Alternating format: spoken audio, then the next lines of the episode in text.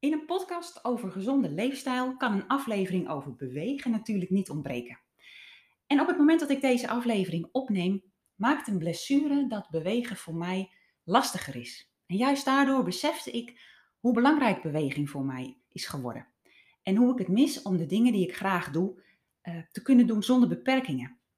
En daarom dacht ik, dan maak ik er maar een podcastaflevering over. Vaak als ik als coach met iemand een traject begin die wil afvallen en het onderwerp beweging komt ter sprake, dan word ik een beetje benauwd aangekeken. Want natuurlijk weten we allemaal dat afvallen beter lukt als je meer beweegt. De hoeveelheid energie die je binnenkrijgt met eten, die moet om af te kunnen vallen minder zijn dan wat je verbruikt. En door te bewegen verbruik je meer energie. Dus kan meer bewegen heel goed helpen om die negatieve energiebalans te krijgen. Maar voor veel mensen is überhaupt gaan sporten of meer gaan bewegen niet iets waar ze naar uitkijken.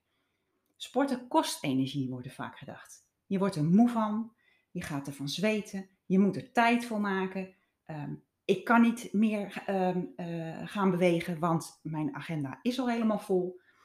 Of ik kan niet sporten, want ehm, het is niks voor mij.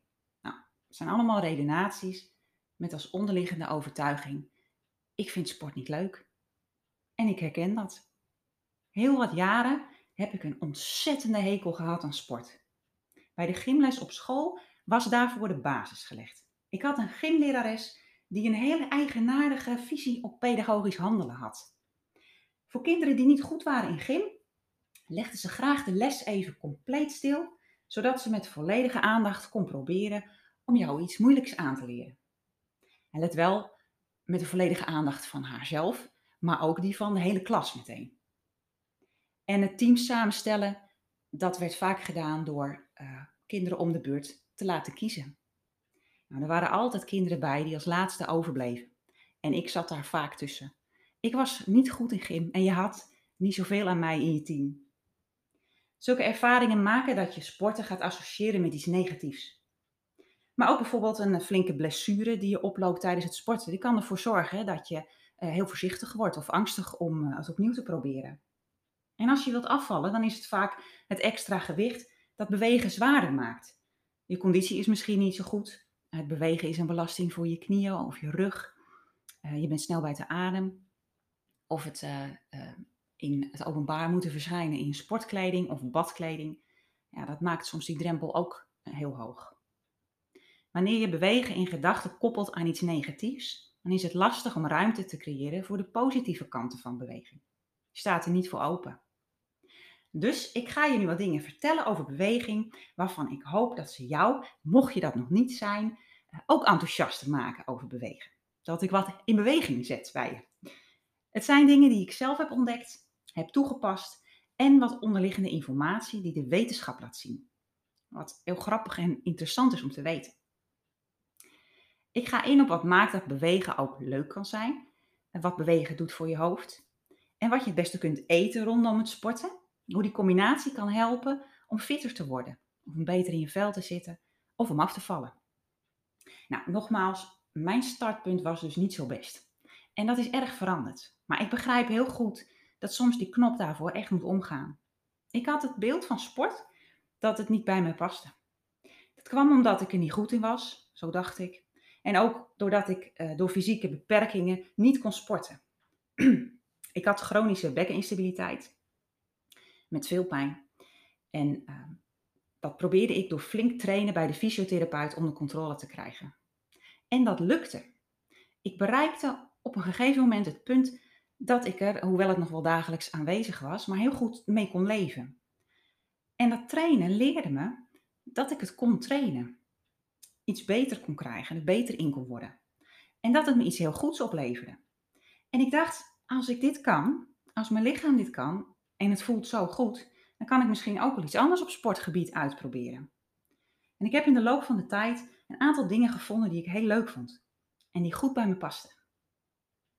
Soms is het een kwestie van vertrouwen leren krijgen in iets nieuws en gaan ervaren wat het je oplevert. En wat is dan die sleutel? Om iets nieuws te beginnen en vol te houden, zoals bewegen, is het belangrijk dat je het leuk vindt. Dat het je plezier oplevert of andere voordelen. In de vorm van een betere conditie, Of je fitter voelen, afvallen, sociaal contact, je grenzen leren kennen of op een goede manier leren verleggen, zelfvertrouwen ontwikkelen of zelf invloed hebben op dat je je beter voelt. In de eerste lockdown ontdekten heel veel mensen het wandelen. We mochten bijna niks, maar bewegen in de buitenlucht, dat werd aan alle kanten gepromoot. En waardoor het in het bos of in het park soms uh, zo druk was dat je over de hoofden kon lopen. Ook weer niet helemaal de bedoeling in coronatijd. Maar, maar wat is er nou zo goed aan wandelen? En waarom gingen zoveel mensen dat doen? Om te beginnen was het natuurlijk een van de weinige dingen die nog wel konden. Wandelen, fietsen, hardlopen. Alleen of met iemand anders op anderhalve meter. Zo kon je toch mensen blijven spreken. Of even luchten bij al het thuiswerken. Maar daarnaast is bewegen ook heel goed voor de processen die zich in je hoofd afspelen. Corona heeft gezorgd voor een enorme toename aan stress. Alle onzekerheden en angsten die op ons afkwamen, zorgen vaak voor een hoop gepieker. Door te bewegen en naar buiten te gaan, onderbreek je het gepieker en focus je op iets anders. Hierdoor raakt je hoofd wat leger en doe je nieuwe energie op. Stressgevoelens die worden veroorzaakt door stresshormonen, zoals cortisol. En bewegen vermindert de aanmaak van cortisol. Daarnaast zorgt bewegen ook voor een betere doorbloeding van je hersenen. En met name het frontale gedeelte dat vooraan zit, dat is daarbij gebaat, blijkt uit onderzoek.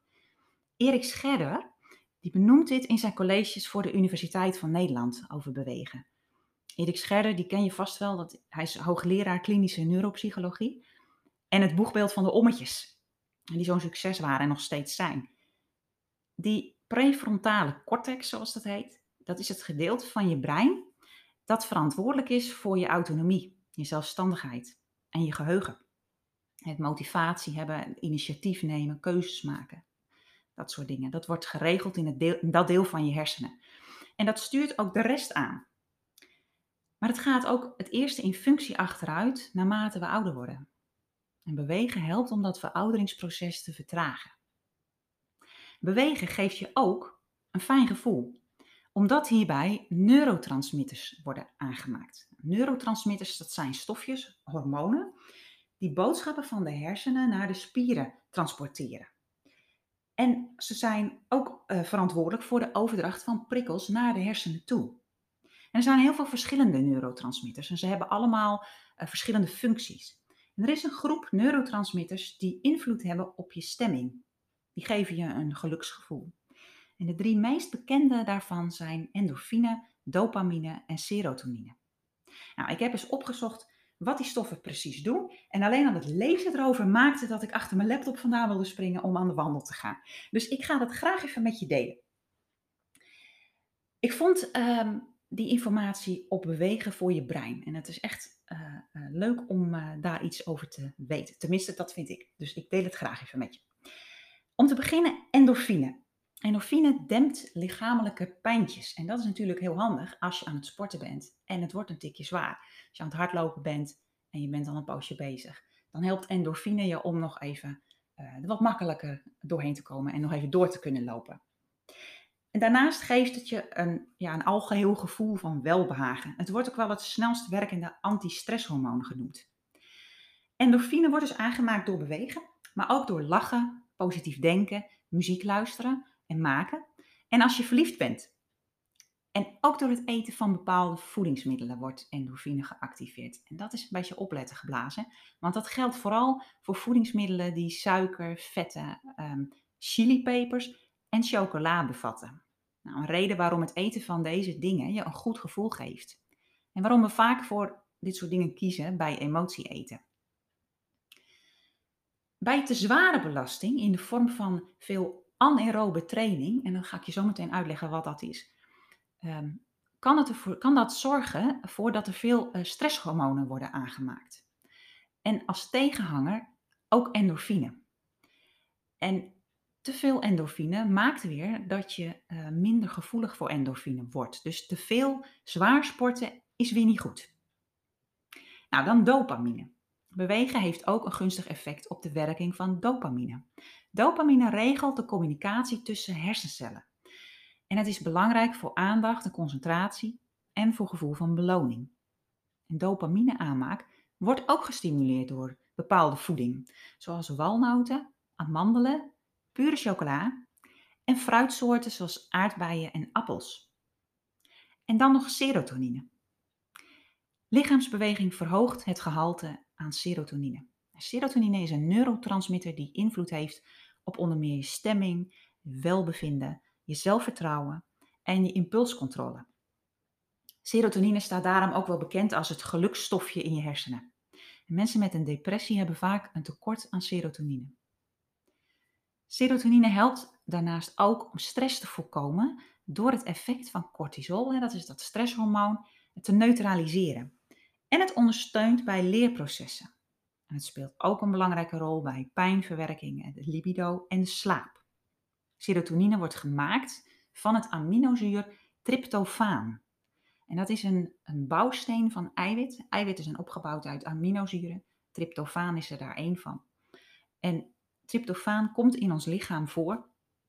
En ook zit het in voeding als bananen, melk, kikkererwten en, jawel, chocolade. En in chocola van minimaal 70% cacao zit het meeste tryptofaan. Dus dat is uh, ja, de beste uh, uh, vorm van chocola die je kunt eten.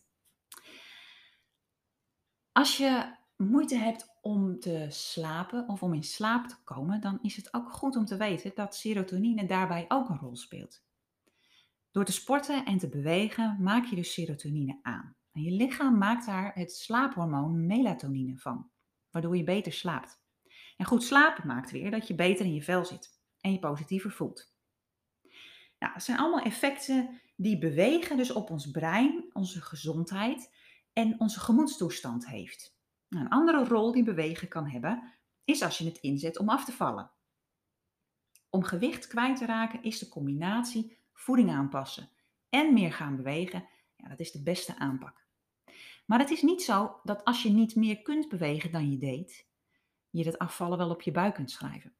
Meer bewegen maakt vaak wel dat het sneller kan gaan of beter lukt. Maar nog steeds geldt dat je met alleen je voeding aanpassen heel goed kunt afvallen. En met alleen meer gaan bewegen, zonder daarbij je voeding te veranderen, bereik je dat niet. Tenzij je iedere dag uren gaat sporten. Voeding is 80%, bewegen 20%. Zo moet je dat een beetje zien. En ik heb al meerdere mensen begeleid die door diverse omstandigheden um, het alleen met de voeding aanpassen hebben gedaan. En die met succes soms meer dan 20 kilo zijn kwijtgeraakt. Maar hoe gaat dat dan? Hè? Hoe werkt dan uh, bewegen? Hoe helpt dat mee um, bij het afvallen? En hoe zit dat dan met die verbranding? Door te bewegen gaat je verbranding, je stofwisseling, omhoog. Je gaat harder werken. Niet alleen tijdens het sporten, maar ook daarna blijft die hogere verbranding nog even doorgaan. Je verbrandt de calorieën die je nodig hebt om te bewegen. En dat kan op twee manieren. Soms voel je als je heel hard aan het uh, trainen bent dat je spieren uh, ja, heel erg gaan branden, dat ze gaan verzuren. Nou, wat gebeurt er dan? Nou, er zijn twee soorten uh, verbranding. Um, je hebt um, de verbranding eh, die met behulp van zuurstof is, met zuurstof die je, die inademt, in de lucht die je inademt. Dat noem je aerobe verbranding. Maar als je dan heel hard gaat lopen bijvoorbeeld, dan komt er een niveau dat boven die aerobe verbranding ligt. Dan heb je simpelweg niet genoeg zuurstof meer voorradig om die verbranding te kunnen regelen. En dan kan je lichaam overgaan op een vorm van verbranding waarbij geen zuurstof nodig is. En dat noemen we anaerobe verbranding. Dan wordt glucose verbrand zonder zuurstof. En dat gaat heel inefficiënt. En er ontstaat melkzuur bij, waardoor je dus die verzuring vaak opmerkt. Maar door te blijven trainen en door conditie op te bouwen, kun je zowel die aerobe verbranding als de anaerobe verbranding uh, verbeteren. Dat die processen beter gaan lopen. Waardoor je dus minder snel ook gaat verzuren. En je het langer kan volhouden en sneller worden. Nou, bij de aerobe verbranding, hè, die dus in de rust uh, uh, optreedt en ook als je op een rustige manier aan het bewegen bent, aan het sporten bent, dan gaat je lichaam eerst de koolhydraten en vetten die in je bloed zitten verbranden en omzetten in glucose. En dat gebeurt in iedere lichaamscel. Want al onze cellen hebben een eigen soort, ja, een soort verbrandingsoventje. En soms worden ook eiwitten verbrand, maar dat gebeurt alleen als er geen andere bronnen voorradig zijn. Want eiwitten die hebben allerlei andere belangrijke functies. Ehm, en die, die krijgen voorrang. De energie die vrijkomt bij de verbranding heet ATP.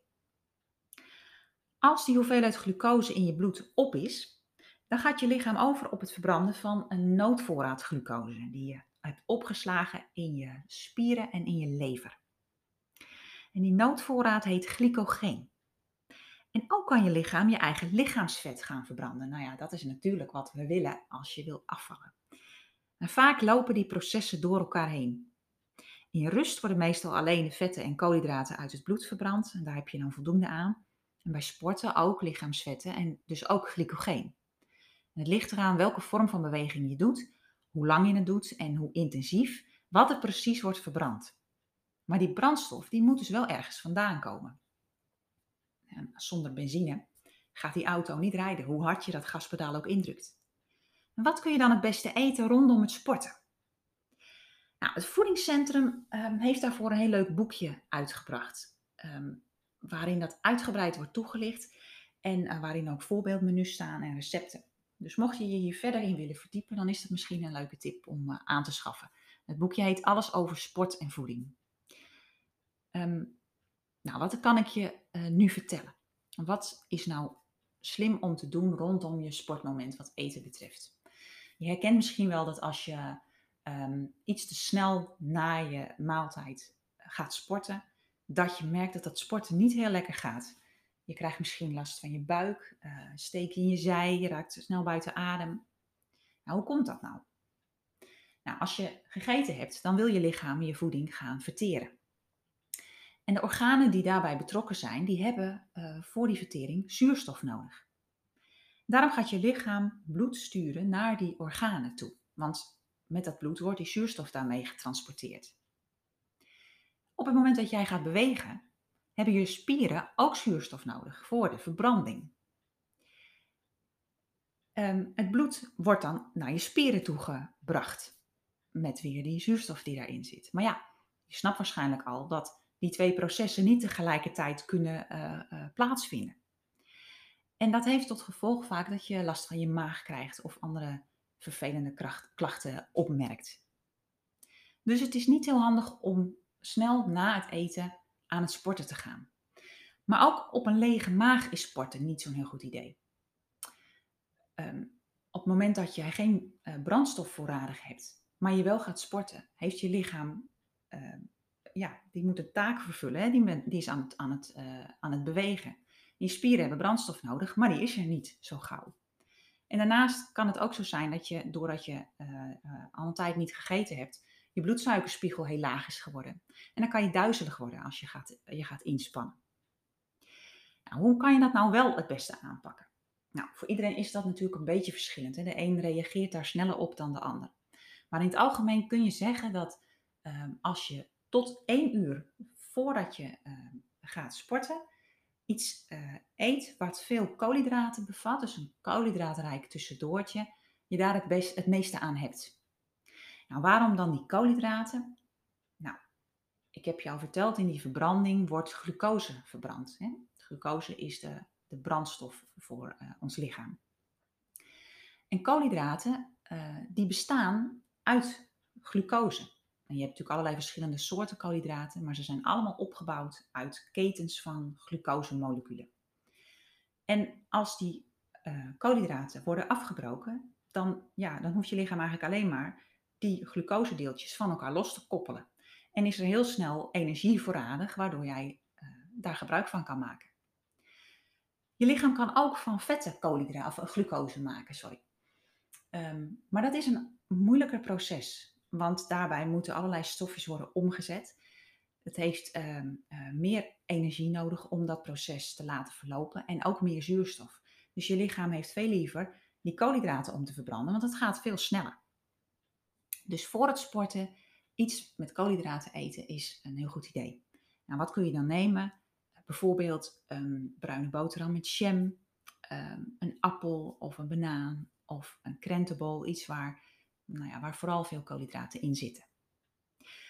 Als je dan gesport hebt, dan is het ook weer zaak dat je uh, je energie weer aan gaat vullen. En ook dan is het slim om iets van koolhydraten te eten, want die had je, in, in, had je immers verbrand tijdens je, uh, tijdens je training. Dus die moeten weer opnieuw worden aangevuld. En daarnaast hebben je spieren behoorlijk te lijden gehad van die stevige training die jij ze hebt gegeven. En zoals je misschien weet, bestaan spieren voornamelijk uit eiwitten. En tijdens het trainen worden die eiwitten dus belast en soms beschadigd. En om je spieren goed te laten herstellen, is het dus slim om iets te eten waar eiwitten in zitten. En als je dan iets kiest waar zowel koolhydraten als eiwitten in zitten, dan versterkt dat elkaars werking ook nog eens een keer. Dus dat is een hele goede combinatie. Of neem bijvoorbeeld een hele maaltijd uh, waar zowel koolhydraten als eiwitten en bij voorkeur ook vetten in zitten. Nou, denk bijvoorbeeld aan een uh, schaaltje uh, yoghurt of kwark met fruit. Of een glas melk met een cracker. Of een boterham met kaas. Dat soort combinaties. Nou, naast voeding is natuurlijk drinken ook super belangrijk bij het sporten. Je verliest veel vocht doordat je sneller gaat ademhalen en omdat je gaat zweten raak je veel vocht kwijt.